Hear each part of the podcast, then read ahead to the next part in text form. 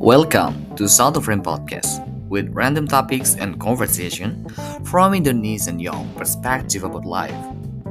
And this is your host, Rayhan Saidi, will give you good insight because after you listen, you insight.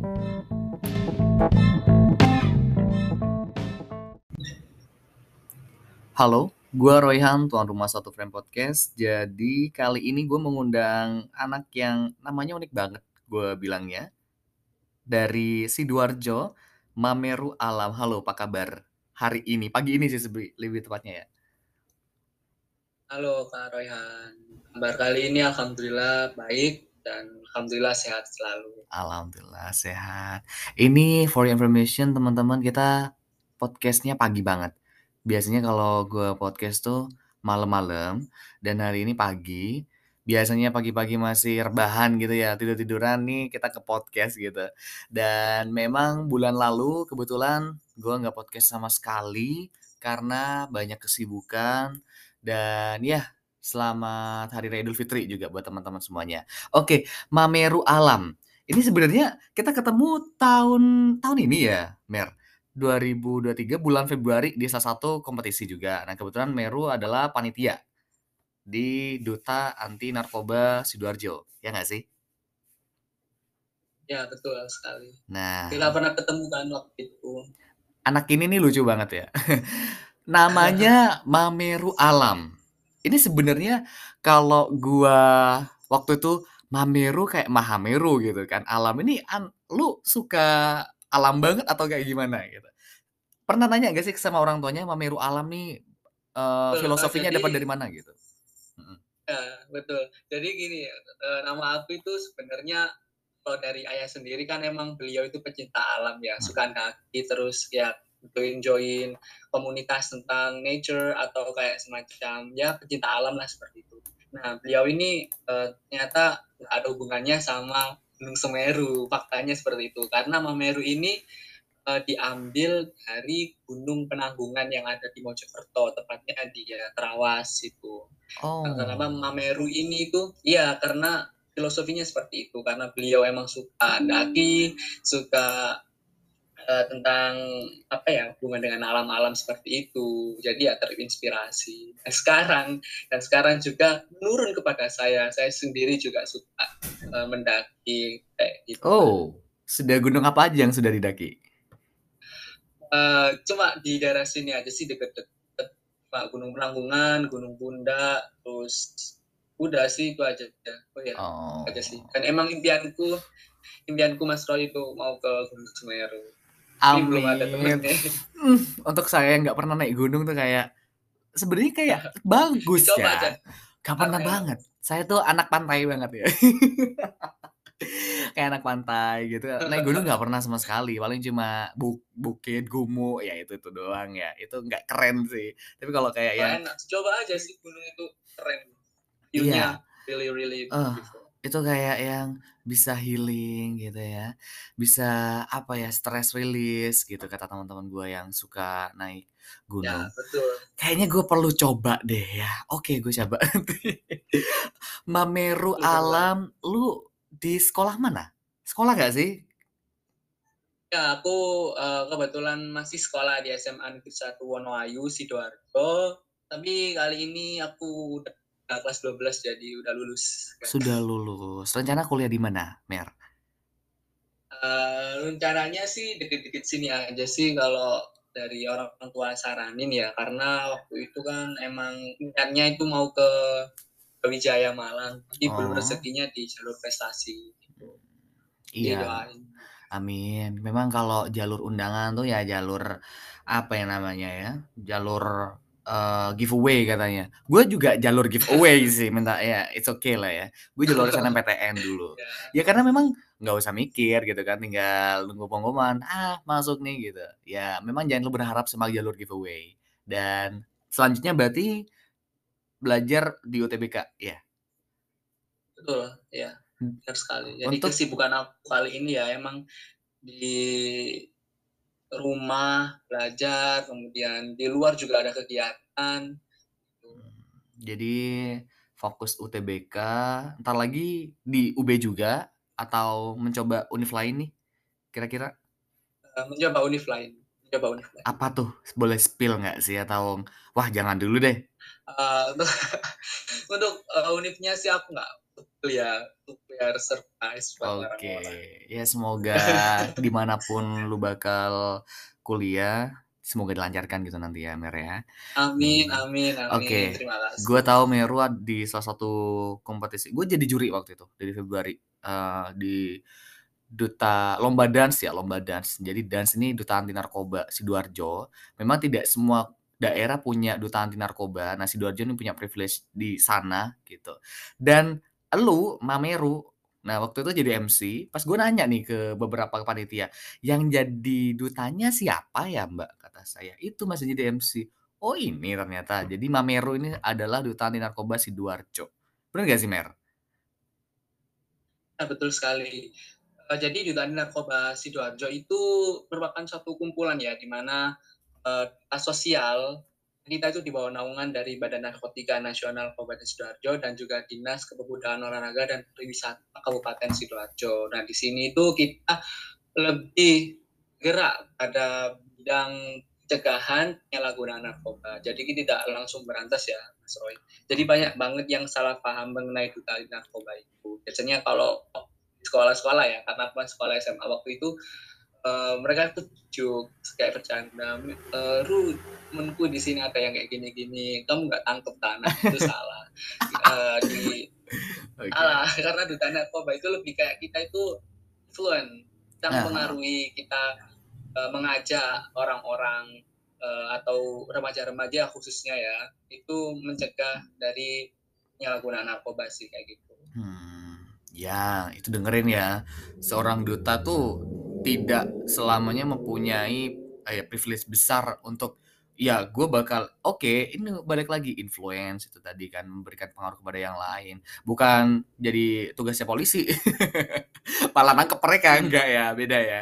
Oke, berarti Iya. ikut duta ini 1 kali aja, apa duta anti narkoba Sidoarjo aja, apa sebelumnya pernah ikut duta nih, Mbak? sih, ini baru pertama kali, Dan menang? kalau dari duta-dutanya baru pertama kali. Di sekolah sih sebenarnya ada niatan ikut kayak duta sekolah, tapi karena aku OSIS Oh. sebagai panitia, jadi terhalang kayak gitu, jadi nggak bisa.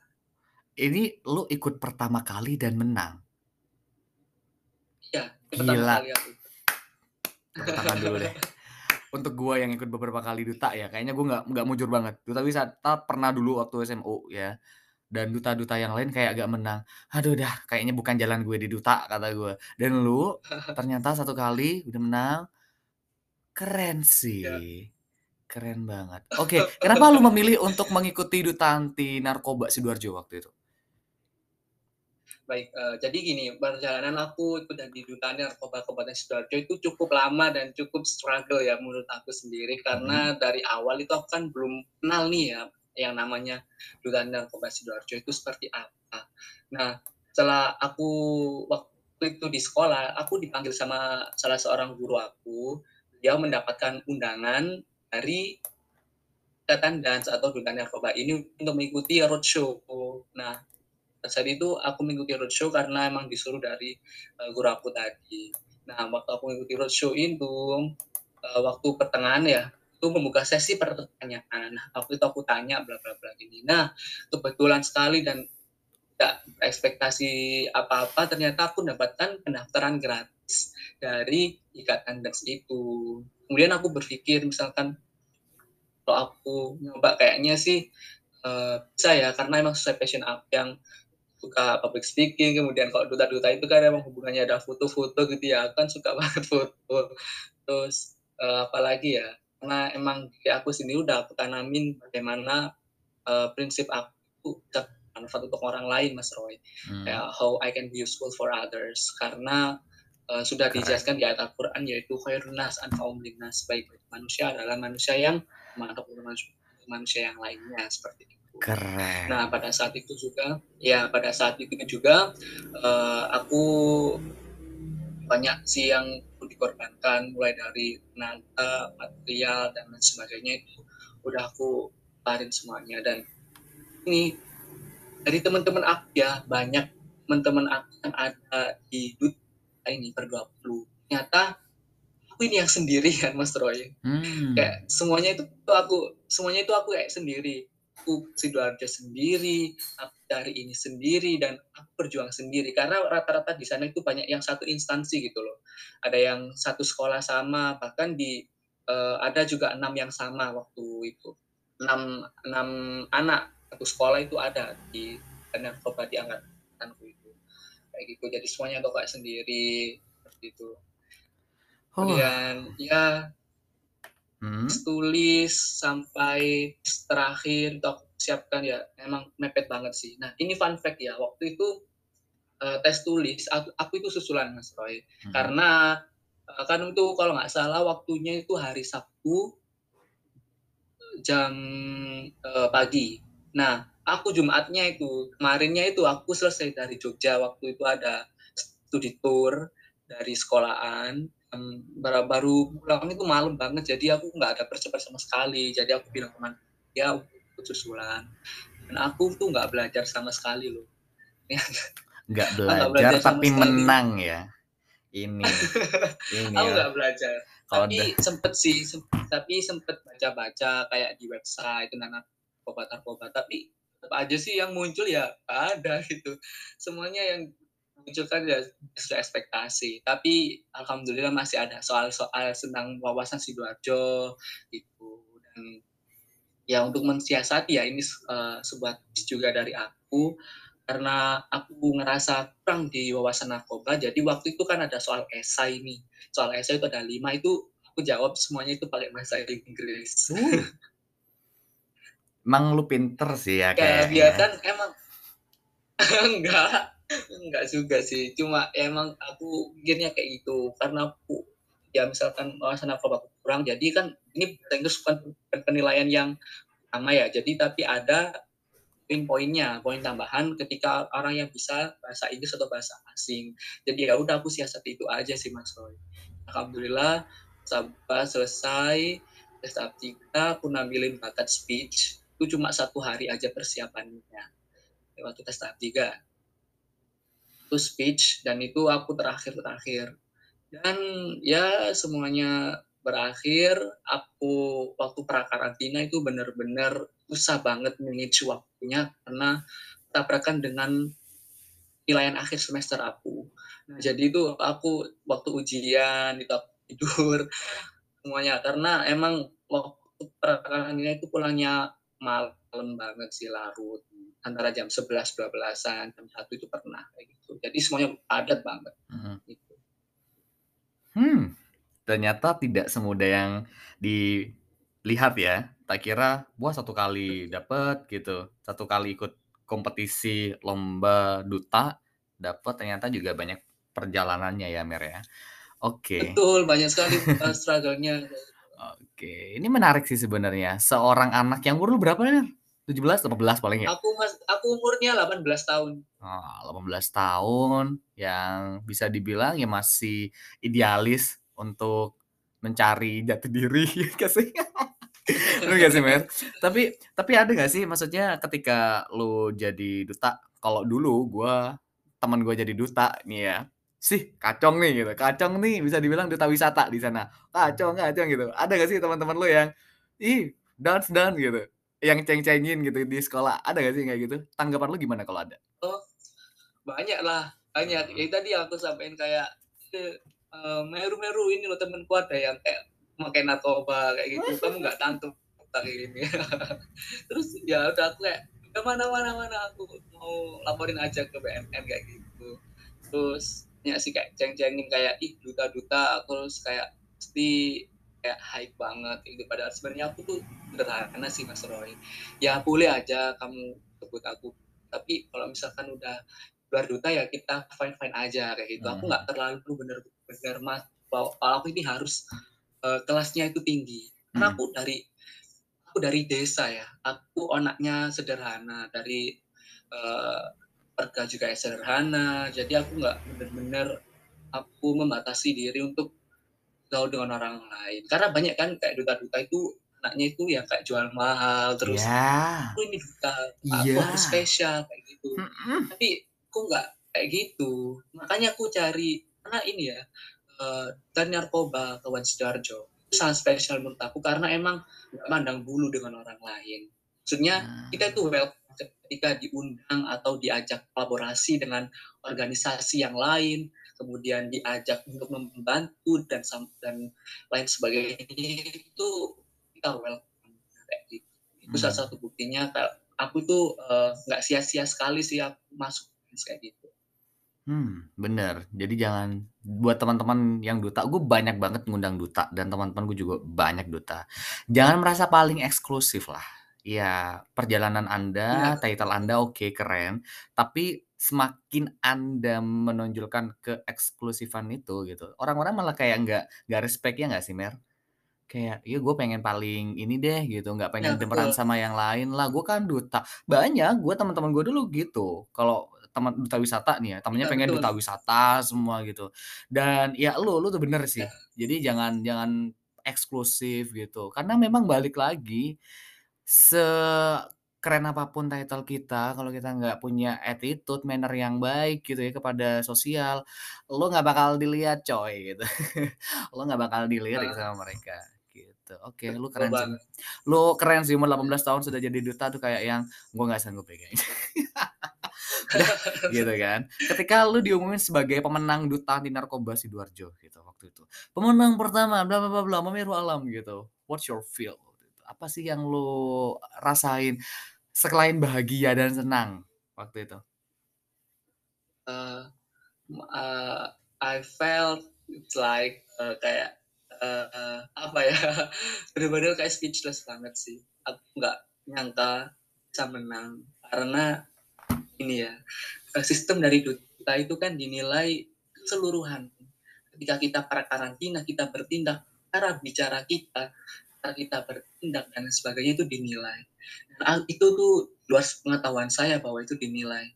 Nah ketika aku dihadapkan kan waktu itu kan aku ini sih eh, ada eh, Kak Misbah ya. Kak Misbah itu yang mana itu lebih senior juga uh, ya lebih tua lebih pengalaman menurut aku ya. Kak Misbah itu lebih berpengalaman dan lebih senior saya. Nah itu aku ya kita itu dijajarin maksudnya dijajarin ini pilih antara juara satunya gitu. Jadi antara sama kak Sebab aku udah kayak bener-bener optimis banget pesimis juga sih kayak kayaknya Misbah deh. Ini nggak apa-apa sih kalau misalnya aku nggak menang nggak apa-apa alhamdulillah. Jadi profit kandas itu sudah masuk uh, capaian aku yang besar.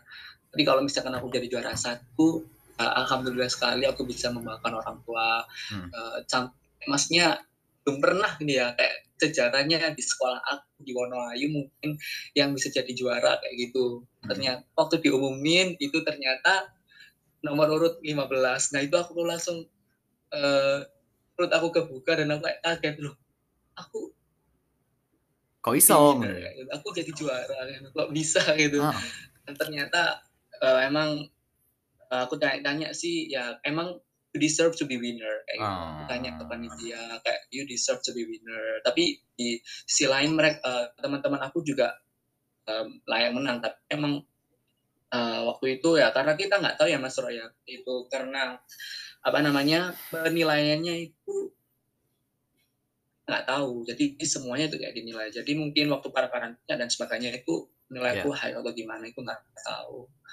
Kemudian ya aku bersyukur aja sih aku tetap bukan berarti walaupun aku jadi juara aku harus berbeda dengan lainnya gitu. Itu jadi perasaanku aku senang sekali karena waktu itu aku lihat orang tua dan teman-teman dekat aku membuat lihat aku kayak gitu. Oh keren ya. Jadi tetap apa sih namanya down to earth gitu tetap pembumi walaupun sudah bisa dibilang keren banget jadi duta tuh ya. Siapa yang nggak pengen title itu gitu kan.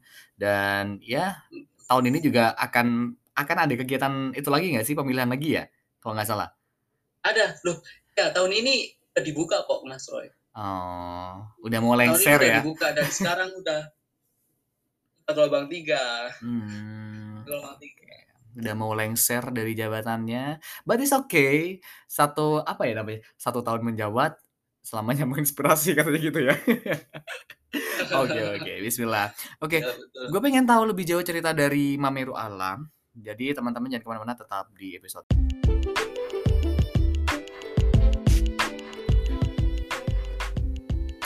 Buat framer yang ingin bekerja sama dengan satu frame podcast sebagai media publikasi atau media partner, bisa banget hubungi gue di at atau di IG satu frame @satuframepodcast satu frame podcast. Ditunggu kerjasamanya ya.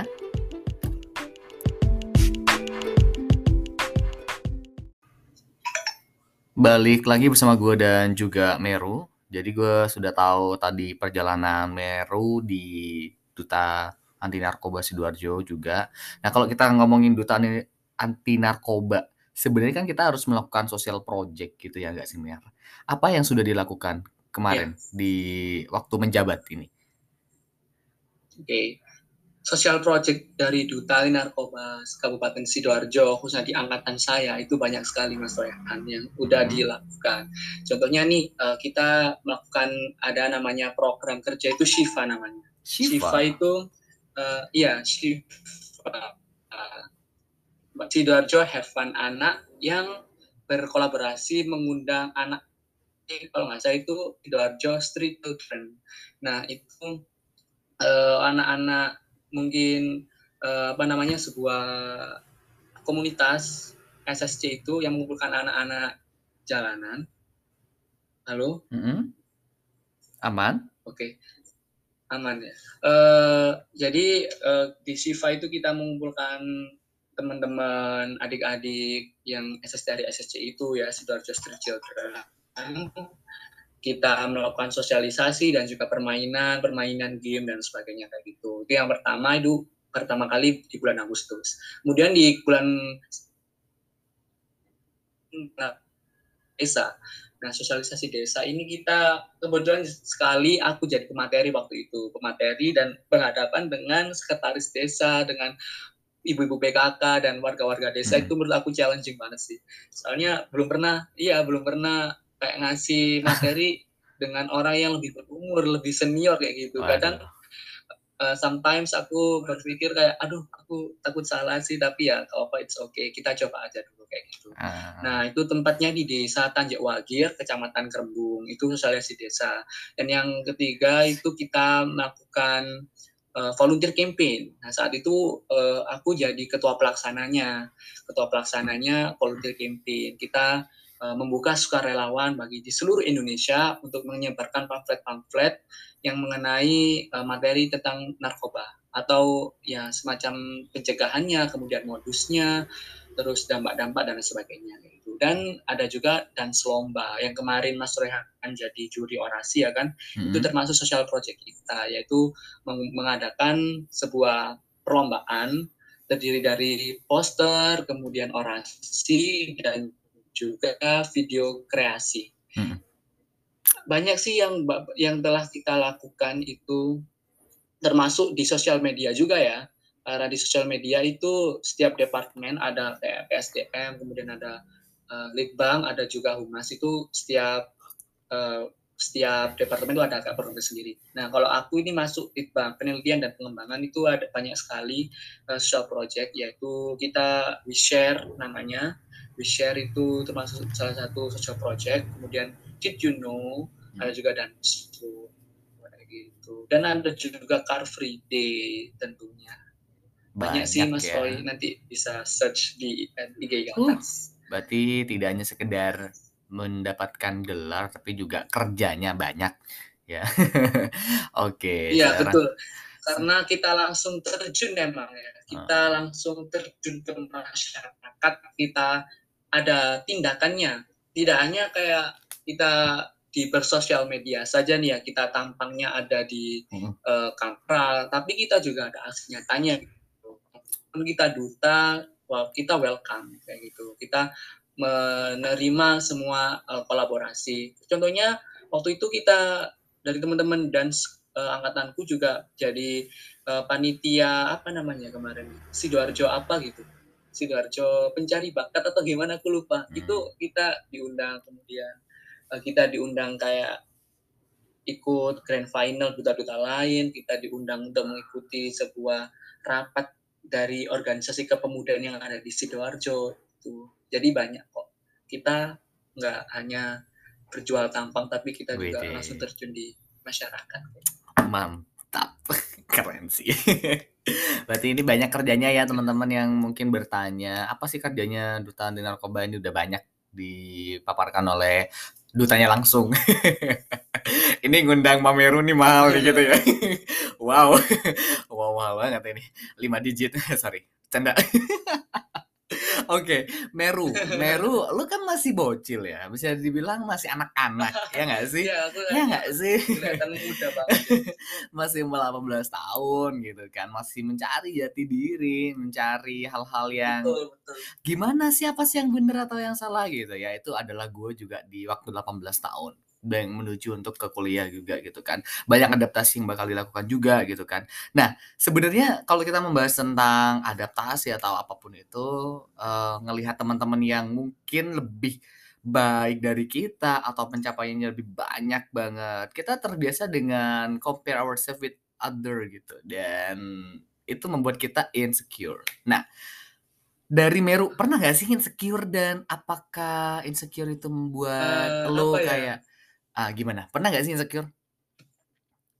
Ya, gini, jadi gini, aku jelasin dulu kalau uh, menurut aku ya insecure itu merupakan suatu kondisi di mana kita itu tidak percaya diri pada diri kita sendiri ya, ragu dengan potensi yang ada pada diri sendiri sehingga kita itu uh, ingin melakukan sesuatu itu terhalang karena ya itu tadi ada namanya pesimis dan tidak percaya diri. Nah, aku pernah nggak sih insecure? Jujur pada saat ini aku mencoba untuk tidak insecure. Kenapa demikian? Karena itu bisa apa ya limit apa namanya membatasi diri aku sendiri untuk bereksplor, untuk mencari pengalaman, untuk mencoba hal-hal yang baru menurut aku. Karena sebisa mungkin uh, aku itu cari jangan sampai insecure karena setiap orang itu pasti punya kelebihan dan kekurangan masing-masing. Jadi ketika kamu tidak expert di salah satu bidang, tapi kamu ada uh, bidang di sini, jadi aku nggak perlu insecure sih kak, karena setiap orang itu emang punya beda-beda sih. Tapi emang kalau dilihat-lihat uh, apa namanya setiap anak itu kayak aku insecure nih mau daftar atau aku mau kayak gini-gini aku insecure aku nggak itu sebenarnya dihilangkan sih. Karena lebih baik kita itu mencoba daripada tidak sama sekali kayak Hmm, gitu. Oke. jadi kalau ya jadi aku pernah insecure apa enggak sih sebenarnya apa ya aku juga bingung jawabnya. Aku nggak pernah merasa diriku insecure tapi kalau misalkan mikir ya aku bisa nggak ya kayak gini? Kalau misalkan gagal gimana? Kayak gitu aja sih mikirnya. Jadi nggak sampai insecure banget nggak mau mencoba kayak gitu. Kalau ngelihat teman-teman yang lain gitu, mungkin. Tapi lu keren sih.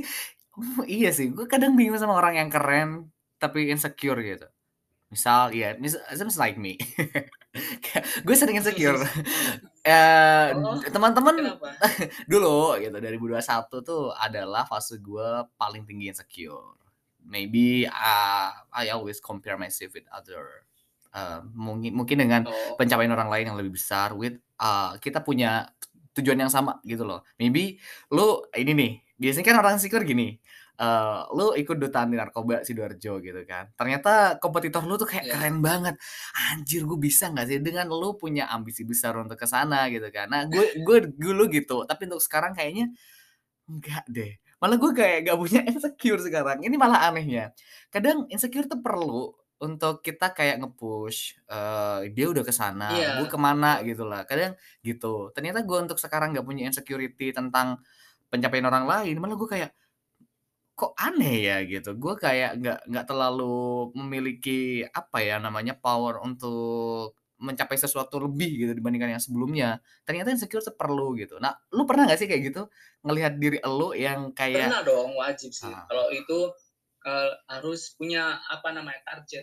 Kalau aku sendiri aku harus punya target. Ketika seorang itu punya kayak gini ya, misalkan, oh sepertinya kalau aku coba kayaknya bisa sih.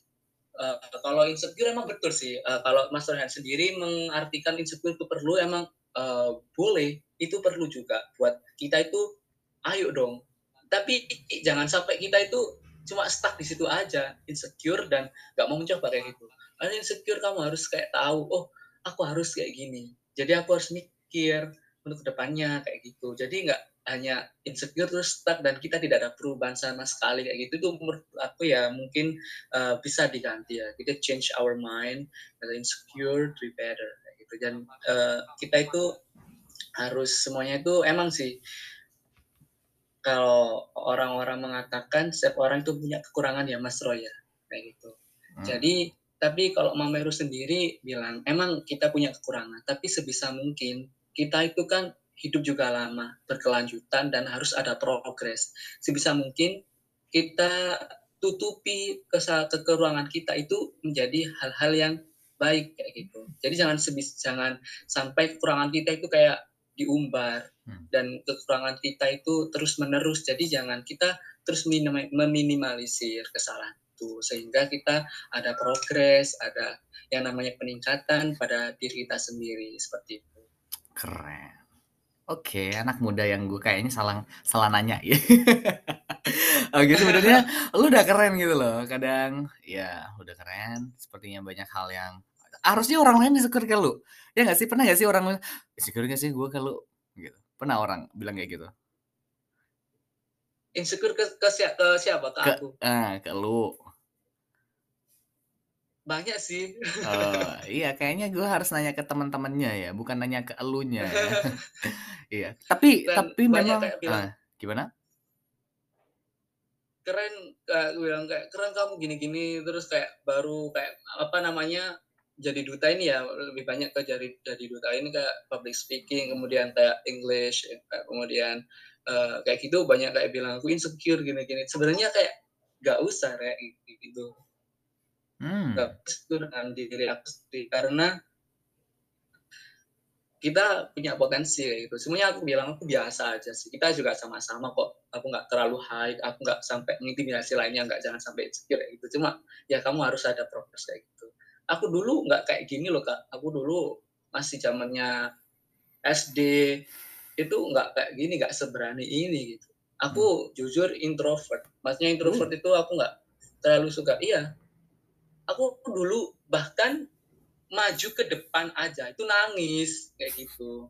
Sumpah aku kalau inget-inget waktu zaman MI aku dulu kan MI ya. Hmm. MI itu ya mau ke panggung itu nggak berani. Karena setiap akhir naik kelas jenjang ya naik ke jenjang kelas tiga ke kelas 4 kayak gitu. Itu pasti naik panggung dan aku kayak masih gemeter dan nggak berani ngomong di depan orang banyak kayak gitu tapi kalau sekarang dikasih mic maju ya, Mer ya. ya, karena kalau dikasih mic itu jarang, nggak bisa berhenti. Karena ya, ya itulah proses ya di dalam kehidupan. Oke, ngomongin tentang anak muda sekarang itu kan banyak banget kata-kata yang lucu-lucu. Kalau dulu nggak pernah dalam hubungan namanya mungkin apa ya uh, toxic relationship atau apa gitu kan. Kalau anak muda Gen Z, milenial sekarang bilangnya gue overthinking nih tentang kehidupan atau apa. Pernah gak sih overthinking atau burnout? Kalau mungkin teman-teman gak tahu burnout ya, burnout nih kayak keadaan di mana kayak kita capek banget gitu. Capek banget sama kerjaan, sama kehidupan gitu. Nah, Meru yang umur 18 tahun pernah gak sih overthinking atau burnout? Pernah. Hmm. Aku pernah overthinking apalagi mengenai tentang ini ya uh, sekolah aku. Gitu. Dan ini ya uh, Mas Roy ya akhir-akhir ini kan emang kalau beberapa bulan yang lalu itu aku overthinking tuh kepada kayak nilai-nilai aku yang ada di sekolah. Kira-kira gimana ya bisa membuat aku itu seperti ini? Karena jujur orang-orang itu berekspektasi tinggi kepada diriku itu kayak bisa masuk SNBP ya kalau kali ini yang SNM hmm. itu jalur masuk undangan itu masuk gitu. Ternyata ya emang bukan rezekinya gitu. Nah, orang-orang berspektasi buat itu. Nah emang sih faktanya ya kenapa aku bisa overthinking itu nilai aku dengan anak. Menurut aku teman aku yang ya bisa dibilang dia itu lebih ber apa yang namanya ya kayak apa sih aku susah sih ngomongnya. Uh, kayak biasanya minta tolong aku gitu. Hmm. minta tolong buat uh, tentang jawabannya kemudian kayak bisa ya, kayak mengkopi atau sebagainya kayak gitu ya. Itu nilainya lebih tinggi dia daripada aku. Nah itu aku benar-benar overthinking sih. Kayak kok bisa ya kayak gitu. Apakah aku ada kesalahan dan sebagainya? Padahal aku di sekolah juga ikut organisasi dan apa namanya aku juga aktif di kelas.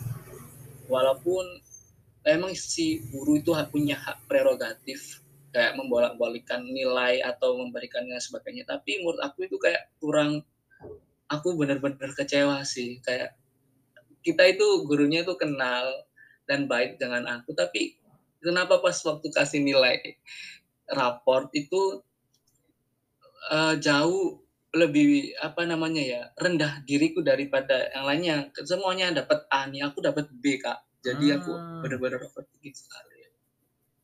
Benar-benar ini salah satunya ya contoh overthinkingku waktu itu kayak tapi aku mencoba untuk berdamai dengan diri aku sendiri. Aku mencoba memaafkan.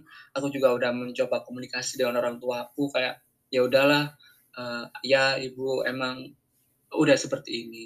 Rezekinya hmm. emang seperti ini dan ya udah kayak gitu. Gak usah terlalu benar-benar dipikir terlalu berlebihan. Pasti semuanya itu ada jalannya sih walaupun hanya sebatas nilai tapi kadang itu buat overthinking gitu banyak hmm. lo teman-teman aku di sana kayak protes-protes mengenai nilainya kak kayak hmm. kok aku dapat gini-gini gitu tapi aku biasanya kayak ya udah sih kalau misalkan aku dapat kayak gini mungkin emang aku dapat gini gitu jadi, aku jarang banget untuk protes nilai dari guru gitu hmm. Jadi pernah ya. Emang kadang kita terlalu kita terkadang ekspektasi ke sosial ke diri kita sendiri juga kadang tinggi gitu. Terkadang kalau tidak dipenuhi bikin overthinking. Banyak sih yang seperti itu sosial maybe ke orang lain. Aduh kok jadi curhat kayak gini? Udahlah emang itu overthinking sering kok? Wajar malah kalau nggak ada overthinking ya malah nggak punya otak kan gitu overthinking kan dari datang dari otak ya nggak sih? Nah, pemikiran tuh kayak berlebihan gitu. Aduh gue cakep gak ya? Anjir gue bener gak ya? Ah gitu lah kan. Kebanyakan kayak gitu. Berarti ya semuanya semuanya itu proses dari kehidupan kita. Oke lu bisa dibilang siswa atau anak yang hmm, ambisius? Bener nggak? Atau enggak juga? Kok gue cuma orangnya yang mungkin ya ya mungkin ya Tuhan memberikan jalan ke gue ke situ atau ya enggak gue gue orangnya ambisius atau gimana? Hmm, not to sih. Uh, bisa dibilang ambisius bisa dibilang enggak juga sih. Uh, karena di sini ya ketika aku mau mencapai sesuatu ya Mas Roya pasti intention aku itu in the deep of my heart. Kayak bener-bener di bawah uh, apa hati aku sendiri kayak gitu. Bener-bener kalau misalkan aku mau ikut di sini ya aku harus bener-bener niat. Aku bener-bener harus ada intentionnya niatan kayak gitu sebagainya. Nah bedanya gini aku ambisinya itu ya bener-bener nggak menggebu-gebu harus uh, catch of something. Aku harus mendapatkan sesuatu kayak gitu. Tapi aku ya sadar dengan uh, porsi aku sendiri. Mungkin emang semuanya itu ada diatur sama Allah. Tentang rezeki-rezeki dan lain sebagainya tentang pencapaian-pencapaian itu. Dan aku ambisinya nggak terlalu menggebu-gebu gitu kan. Biasanya kan ada ambisi itu emang harus aku harus dapet ini. Kalau nggak aku juara satu aku bakal gini-gini. Aku nggak sih.